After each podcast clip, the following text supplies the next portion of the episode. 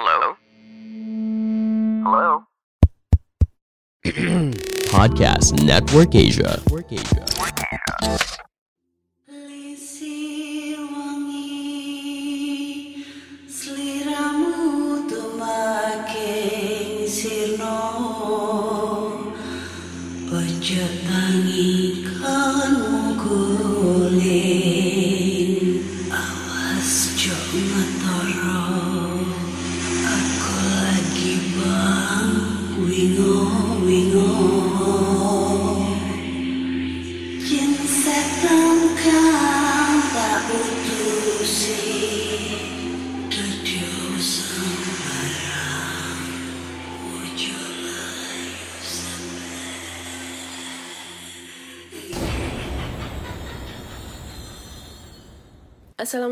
warahmatullahi wabarakatuh. Selamat datang di podcast kisah horor. Ketemu lagi dengan aku Ana di sini akan membacakan cerita horor ataupun email berhantu yang sudah dikirimkan teman-teman melalui podcast kisah horor gmail.com ataupun di DM Instagram podcast kisah horor, DM Instagram Ana Olive serta Google Form yang linknya tersedia di bio Instagram podcast kisah horor. Ketemu lagi di episode 105. Oke, di episode kali ini mungkin agak sedikit berbeda ya. Eh, salah satunya di openingnya eh, nggak ada ketawa-ketawanya ya, karena lagi sesek nggak kuat buat ketawa-ketawa.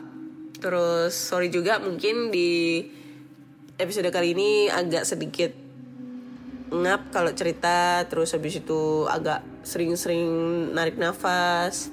Habis itu mungkin ada sedikit-sedikit batuknya Jadi aku mohon dimaklumin ya Karena ya lagi masa pemulihan Isoman udah tiga hari gitu. Jadi please buat kalian semua jaga kesehatannya. Jangan lupa masker beneran Jangan lupa pakai masker. Selalu cuci tangan Jaga jarak juga ya. Kalau nggak penting nggak usah keluar. Baru juga kemarin ngasih tahu ke kalian kan, eh sekarang aku yang kena anjir lah, apes banget gitu. Terus sebelumnya juga aku mau mengucapkan banyak-banyak terima kasih buat kalian yang sudah berdonasi di Sawaria podcast kisah horor. Eh, thank you so much buat kalian semua, semoga dilancarkan rezekinya. eh yang belum dapat pekerjaan semoga segera mendapatkan pekerjaan yang baik ya kan yang nantinya donasi yang terkumpul dari kalian semua akan diberikan kepada eh, saudara-saudara kita yang lebih membutuhkan ya seperti pedagang asongan lebih ke pedagang asongan yang terkena dampak covid ataupun ppkm gitu Nah, buat kalian semua gimana caranya pengen ikutan donasi? Gampang banget, kalian tinggal eh, mampir aja ke Instagramnya podcast kisah horor. Di situ nanti ada link tree di bio Instagram podcast kisah horor. Kalian tinggal klik aja linknya. Terus nanti di situ akan ditujukan ke ke linknya Saweria untuk berdonasi. Berapapun donasi dari kalian sangat berarti buat saudara-saudara kita yang sedang membutuhkan. Semangat! Dan jangan lupa jaga kesehatan. Oke. Di episode kali ini mungkin ada beberapa cerita yang akan aku ceritakan. Mungkin sekitar 3 atau 4 cerita. Dan langsung aja kita bacakan ke cerita pertama. Oke, cerita pertama datang dari email. Langsung aja kita bacakan ceritanya. Di, ini email pertama datang dari Dika ya. Min, gue mau cerita aja nih. Siapa tahu ada teman kita yang pernah ngalamin juga. Dan siapa tahu ada yang bisa ngasih penjelasan. Jadi dulu waktu sebelum ibu aku meninggal dunia, pada sekitar habis subuh aku tuh ngimpi kalau rumah aku tuh udah rame orang dan ternyata mereka lagi prosesi buat mengkafani ibuku. Dan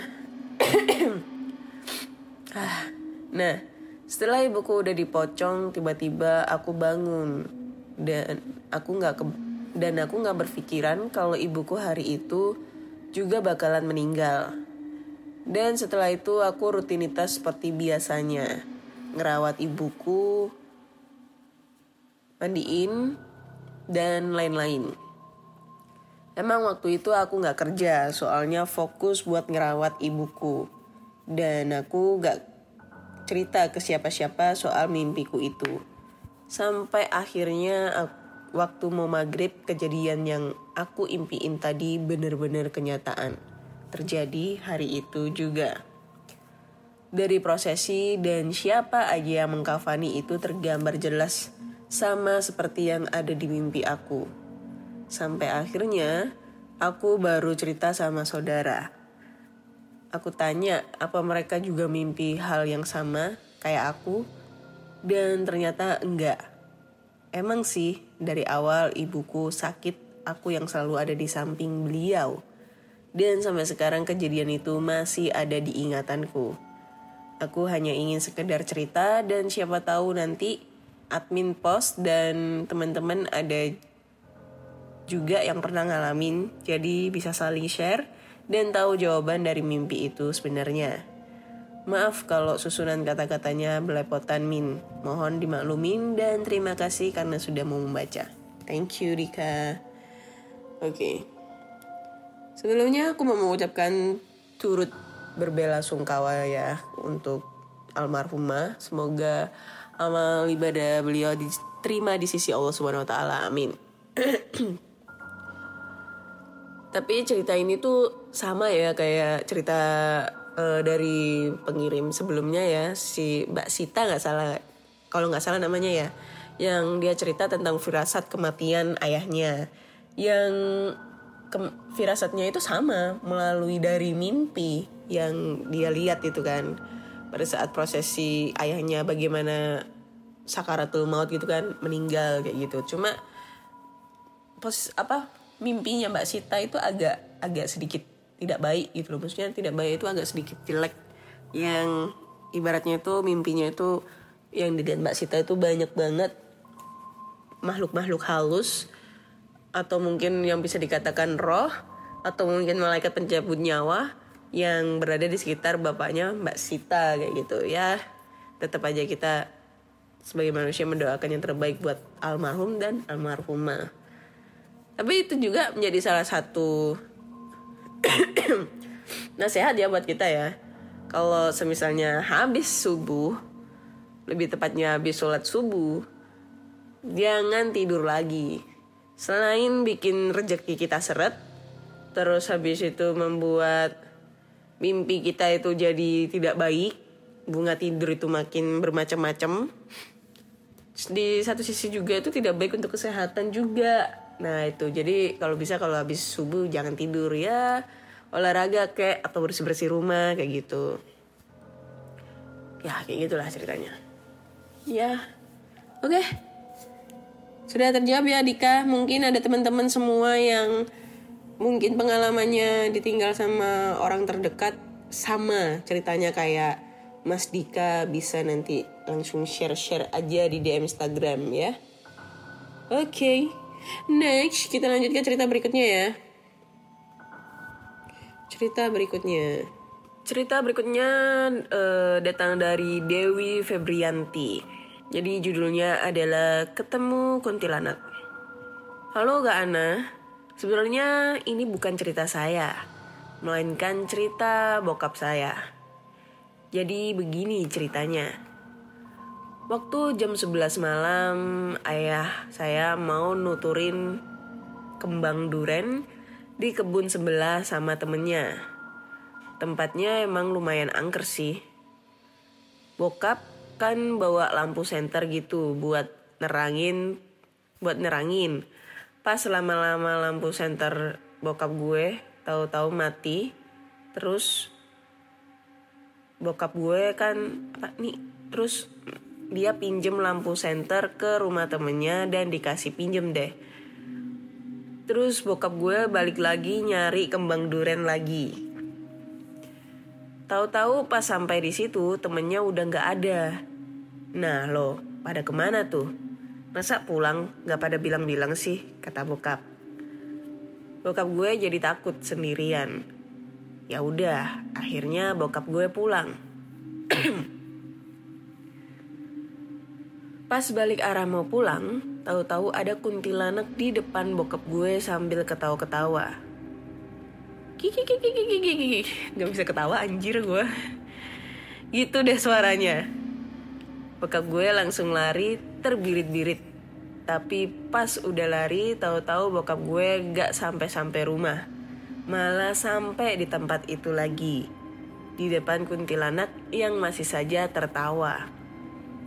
Akhirnya bokap gue nutup mata dan baca ayat kursi dalam hati. Setelah bokap gue buka matanya, alhamdulillah kuntilanaknya udah gak ada dan bokap gue pun langsung pulang dan minum air sampai dua gelas. Selesai. Udah gitu doang. Ya ampun, itu doang ceritanya. Kirain ada lanjutannya, sorry. Oke, emang ya kebun durian itu selalu serem. Kebun durian, pohon durian, pohon pohon mangga, pohon durian, pohon mangga, pohon apalagi ya, pohon beringin, nah itu serem. Ya itu masalahnya bapakmu ngambil kembang duriannya nyolong kali, nggak izin, makanya di di ini dihantuin kuntilanak gak dibolehin ngambil. Coba kalau izin dulu sama yang punya pasti dibolehin sama kuntilanaknya. Karena setauku ya setauku nih ya banyak banget nih di pokoknya di area perkebunan perkebunan itu orang-orang itu yang punya kebun-kebun buah banyak banget buahnya itu biasanya dipasang sosok di situ tuh ibaratnya tuh kayak disuruh dibuat buat jaga di sana supaya nggak ada yang nyolong buahnya. Karena ini bapaknya temanku ada yang kayak gini. Jadi tuh dulu tuh kita tuh pernah mau ngambil bukan duren mangga. Mangga di rumah temanku. Nah kebetulan kita kan lagi liburan di rumah temanku tuh di Banyuwangi teman kuliah kan. Terus kita ngambil lah mangga di sana.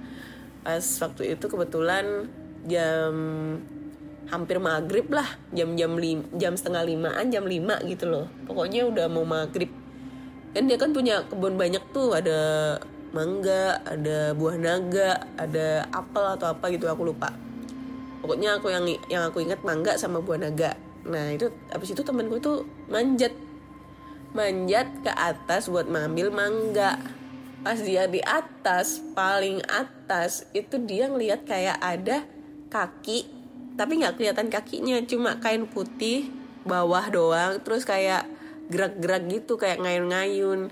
Nah dia pikirkan kain yang dibuat nutupin buah-buah gitu kan biasanya kan ada tuh kalau buah-buahnya udah lebat banget ditutupin pakai karung ditutupin pakai kain. Nah dia pikir kan kayak gitu gitu. Pas dia lanjut mau naik ke atas nggak taunya. Dia ngeliat rambut diliatin ke atas lagi anjay kuntilanak tinggi banget dari posisi dia duduk. Jatuh dia langsung. Untungnya kenapa nggak kenapa-napa temanku. Karena usut punya usut yang punya kebun temanku sendiri itu belum ngomong sama bapaknya kalau mau ngambil mangga di sana. Soalnya yang bisa bisa apa namanya itu yang bisa mengendalikan itu ya yang pasang yang masang dia alias yang punya kebun gitu loh Nah itu itu biasanya kayak gitu kalau di kebun-kebun orang anjar lah. Ini anak kecil belum tidur lagi. Teriak-teriak. Biasanya sih kalau di kebun-kebun orang-orang yang kalau punya kebun-kebun buah yang banyak banget itu pasti dipasangin entah itu kuntilanak, entah itu genderuwo, entah itu pocong atau apalah. Pokoknya yang tujuannya buat nakut-nakutin si korban supaya nggak ngambil buah di situ kayak gitu. Mungkin di tempat kalian ada kali yang kayak gitu? Eh, cerita-cerita dong. Kirim aja ceritanya ke podcast kisah horor at gmail.com. Oke, okay, next. Kita lanjut ke cerita berikutnya ya. Cerita berikutnya. Assalamualaikum warahmatullahi wabarakatuh Kak Ana, Waalaikumsalam Aku mau cerita pengalaman horor yang pernah ku alami 6 tahun yang lalu Waktu itu pas tujuh hari kelahiran Baim, anak bujangku. Sudah lama pengen punya momongan cowok. Alhamdulillah Allah amanahkan anak cowok untukku dan suami. Langsung aja ya kak. Orang tua bilang kalau ada bayi baru lahir, baunya wangi. Mungkin bagi makhluk tak kasat mata, bayi itu tamu baru yang wajib disambut kehadirannya.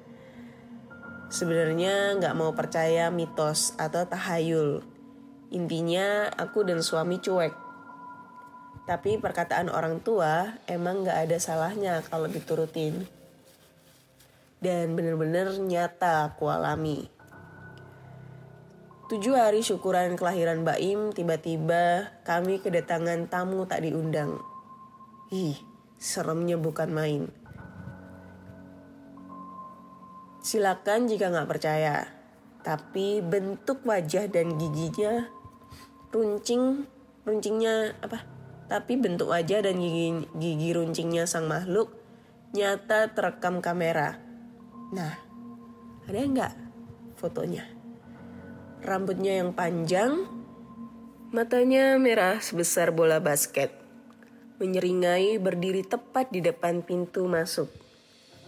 Allahu Akbar, kuasa Allah. Itu makhluk emang ada dan nyata.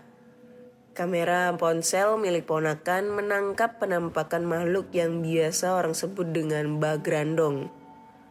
Ketika makhluk tersebut mau masuk rumah, Bayi menjerit menangis. Tak seperti layaknya tangis bayi biasa. Yang gak masuk akal, di dalam rumah banyak orang baca doa. Tapi makhluk itu kenapa ada? Kok bisa? Itu yang masih jadi pertanyaan sampai sekarang. Lepas itu kami lebih berhati-hati. Terutama saat menjemur semua pakaian bayi. Entah benar atau tidak, jemuran pakaian bayi jika sudah lewat pukul 5 sore sudah harus masuk rumah. Orang tua bilang pakaian bayi baru lahir berbau wangi, sangat menarik perhatian makhluk-makhluk tersebut. Entahlah, semua sudah terjadi. Sebelum Mbah Grandong menyambangi rumah, sudah ada makhluk bertanduk dua, berbentuk anak kecil, bermain-main gelas di dapur. Ketiga adik iparku saksi hidup dari permainan jin kecil tersebut. Kebetulan salah satu dari adik ipar indigo. Sering melihat hal-hal ganjil di mana pun dan kapan pun. Cerita ini nyata aku alami. Setelah peristiwa ini aku jadi tahu wujud Bah Grandong yang sesungguhnya, walau hasil jepretan kamera. Mau percaya atau tidak terserah. Bagiku ini pengalaman horor yang membuatku menyadari makhluk tak kasat mata itu memang ada di sekeliling kita. Oke, okay. Thank you buat ceritanya ya. Tadi siapa namanya? Gak tahu. Gak ada namanya. Ah, ya aku percaya lah kalau makhluk halus itu ada. Tapi kalau ini bener beneran ada nggak ya grandong grandong grandong itu kayak ibarat ma, anaknya mak lampir bukan sih? setahu aku tuh grandong itu anaknya mak lampir coba ya kita kita lihat wujudnya grandong kalau kalau di lampir itu wujud grandong itu lebih kayak genderuwo. Genderuwo tapi badannya kecil. Grandong grandong grandong. Nah kan? Aduh kok serem ya? Nih, kalau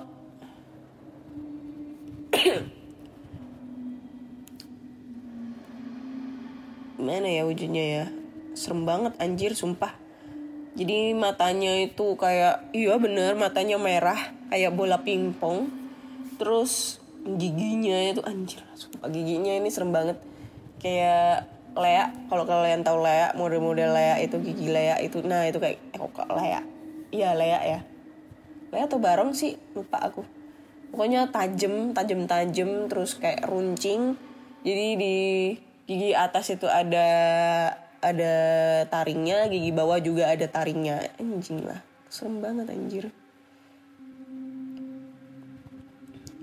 Nah itu dah pokoknya.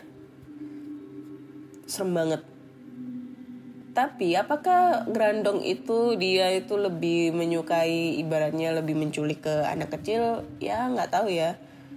Karena ini lebih kayak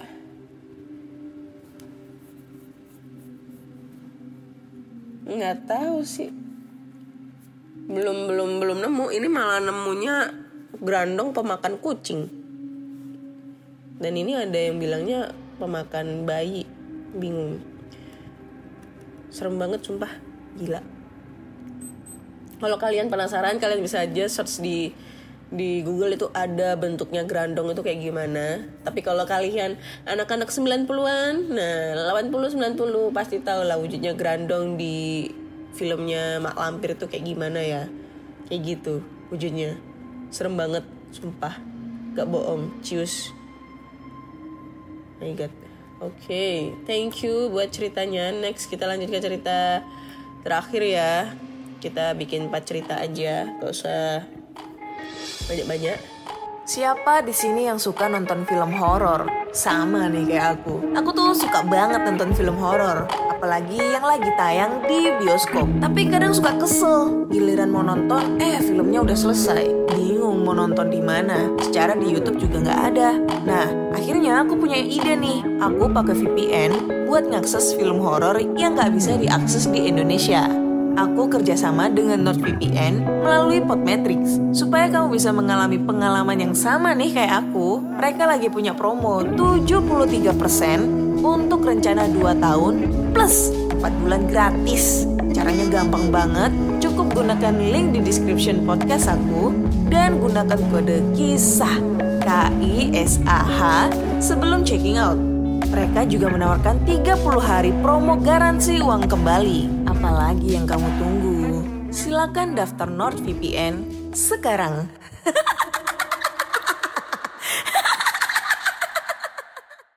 Cerita datangnya dari Fajar Eka Yulianto yang judulnya adalah Ketemu Kuntilanak Merah. Halo Kak Ana, halo pendengar podcast kisah horor. Saya di sini mau berbagi pengalaman mistis yang mungkin pernah membuat saya hampir pingsan. Sebelumnya kenalin, nama saya Fajar dari Banjarmasin, Kalimantan Selatan.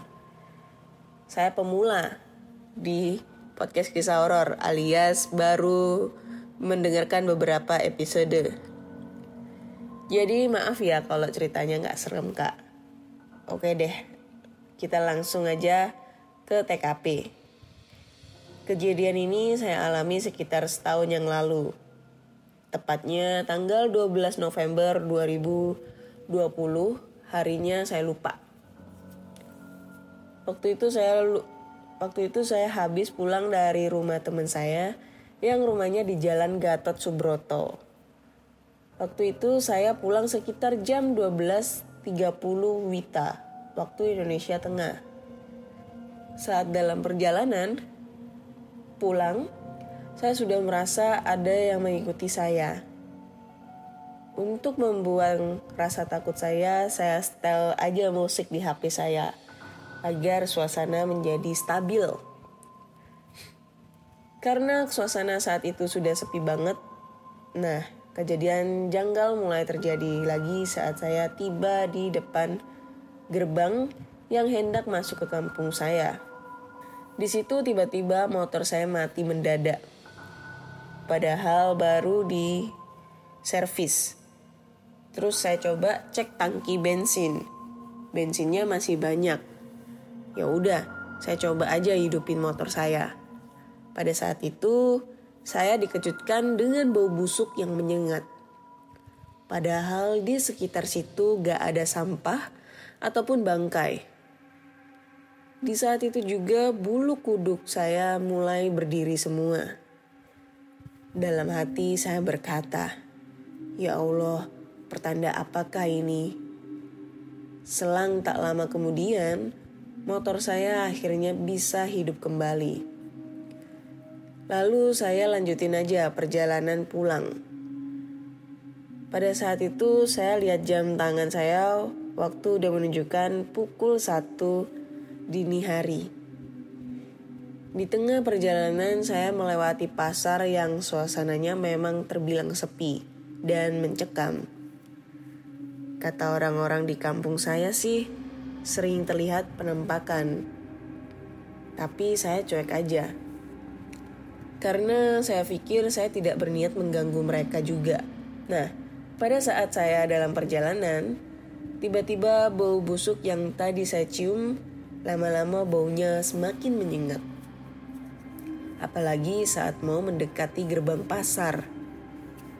Tak lama kemudian, pas saya tepat di depan gerbang pasar, saya dibuat kaget bukan main oleh sesosok kuntilanak. Tapi kuntilanak ini berbeda dengan yang biasanya.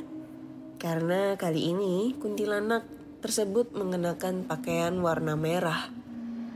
Kuntilanak itu melotot menatap saya yang sedang melintas dengan wajahnya yang berlubang dan penuh belatung. Kuntilanak tersebut melambaikan tangannya ke arah saya. Dalam sekejap, saya mulai oleng dan hampir hilang kesadaran saat mengendarai motor.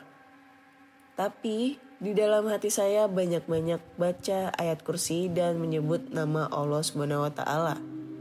Dan alhamdulillah, saya bisa mengontrol diri dan langsung tancap gas hingga sampai ke rumah dengan nafas yang ngos-ngosan. Dan keesokan harinya saya cerita sama ibu saya. Dan ibu saya berpesan, kalau pulang malam jangan lewat depan pasar, bahaya, kata beliau. Oke, sekian dulu ceritanya ya. Maaf kalau ceritanya nggak serem. Dan tulisannya acak-acakan. Maklum, aku kan pemula, hehehe. Aku masih punya banyak pengalaman mistis lagi yang siap aku posting, Kak. Sampai jumpa, wassalamualaikum. Oke, thank you. Siapa namanya? Lupa. Namanya siapa tadi? Fajar. Ya, Fajar. Serem banget sih ketemu kuntilanak merah ya. Kuntilanak merah itu identik dengan uh, kuntilanak yang auranya itu lebih gede karena banyaknya suatu dendam. Wah, kayak paranormal aku jadinya ya. Ya ini katanya YouTube ya. Karena dia tuh menyimpan suatu banyaknya dendam semasa hidupnya sehingga keba kebanyakan itu identik itu kuntilanak merah itu lebih ke sama kayak kayak sundel bolong lebih untuk melukai uh, korbannya kayak gitu. Kalau kuntilanak warna putih itu kan lebih ke jahil sih ya, jahil terus habis itu lebih ke cuma nakut-nakutin, ketawa-ketawa doang. Nah, beda sama kuntilanak merah ataupun sundel bolong. Kalau sundel bolong itu kan dia pakai baju putih juga, cuma bedanya di punggungnya itu bolong, penuh belatung. Tapi kalau kuntilanak merah itu uh, lebih uh, mendam suatu banyak dendam memendam suatu banyak dendam ya itulah pokoknya lebih mengumpulkan suatu dendam gitu loh dendam dia semasa hidup dan ternyata tuh kuntilanak itu juga banyak macamnya loh ya ada yang warna putih kuning hijau merah coklat hitam kayak gitu cuma aku nggak tahu uh, beda bedanya itu apa maksudnya dalam arti kuntilanak putih itu eh kuntilanak hijau itu apa, kuning itu apa, merah itu apa, atau mungkin itu kuntilanak jadi lampu lalu lintas, ya kan? Kita nggak tahu. Tapi kalau aku tahunya tuh cuma pocong yang kain kafannya warna hitam. Jadi kalau pocong pocong hitam bukan yang gosong loh ya, tapi maksudnya dalam arti dia itu hitam bles semua. Itu tandanya itu pocong itu sering dipakai dukun untuk melakukan suatu hal kayak mengirim santet ataupun mengirim guna-guna. Nah itu, itu biasanya pakai pocong hitam dan lebih apa ya? Media pocong tersebut, pocong hitam tersebut itu lebih kuat dibandingkan media-media pakai pakai apa namanya? pakai paku, pakai apa kawat gitu. Itu lebih kuat dan biasanya sih kalau pocong hitam itu lebih mematikan korbannya tapi secara perlahan kayak gitu katanya sih kayak gitu banyak banget media eh, dukun-dukun itu pakai media pocong hitam tersebut. Pokoknya hati-hati aja kalau ketemu pocong hitam. Itu juga kalau misalnya diludahin itu sama itu pocong hitam, wah tiga tahun paling itu nggak nggak hilang-hilang bau busuknya itu. Kayak gitu ya. Oke. Kayaknya udah cukup sekian dulu ya. Udah terlalu ngap-ngapan aku ngebacainnya juga dan udah empat cerita yang udah aku bacain. So buat teman-teman semua, jika kalian punya cerita-cerita horor, kalian bisa langsung aja kirim ceritanya ke podcast kisah horor at gmail.com ataupun DM Instagram podcast kisah horor, DM Instagram Ana Olive serta Google Form yang linknya tersedia di bio Instagram podcast kisah horor. Jangan lupa klik follow di Instagram podcast kisah horor dan klik follow di Spotify kalian. Agar kalian selalu update tentang cerita-cerita horor terbaru. Oke, terima kasih buat semuanya. Dan nantikan di episode episode berikutnya. Saya Ana undur diri. Bye bye. Pandangan dan opini yang disampaikan oleh kreator podcast, host, dan tamu tidak mencerminkan kebijakan resmi dan bagian dari podcast Network Asia. Setiap konten yang disampaikan mereka di dalam podcast adalah opini mereka sendiri dan tidak bermaksud untuk merugikan agama, grup etnik, perkumpulan, organisasi, perusahaan, perorangan, atau siapa pun dan apa pun.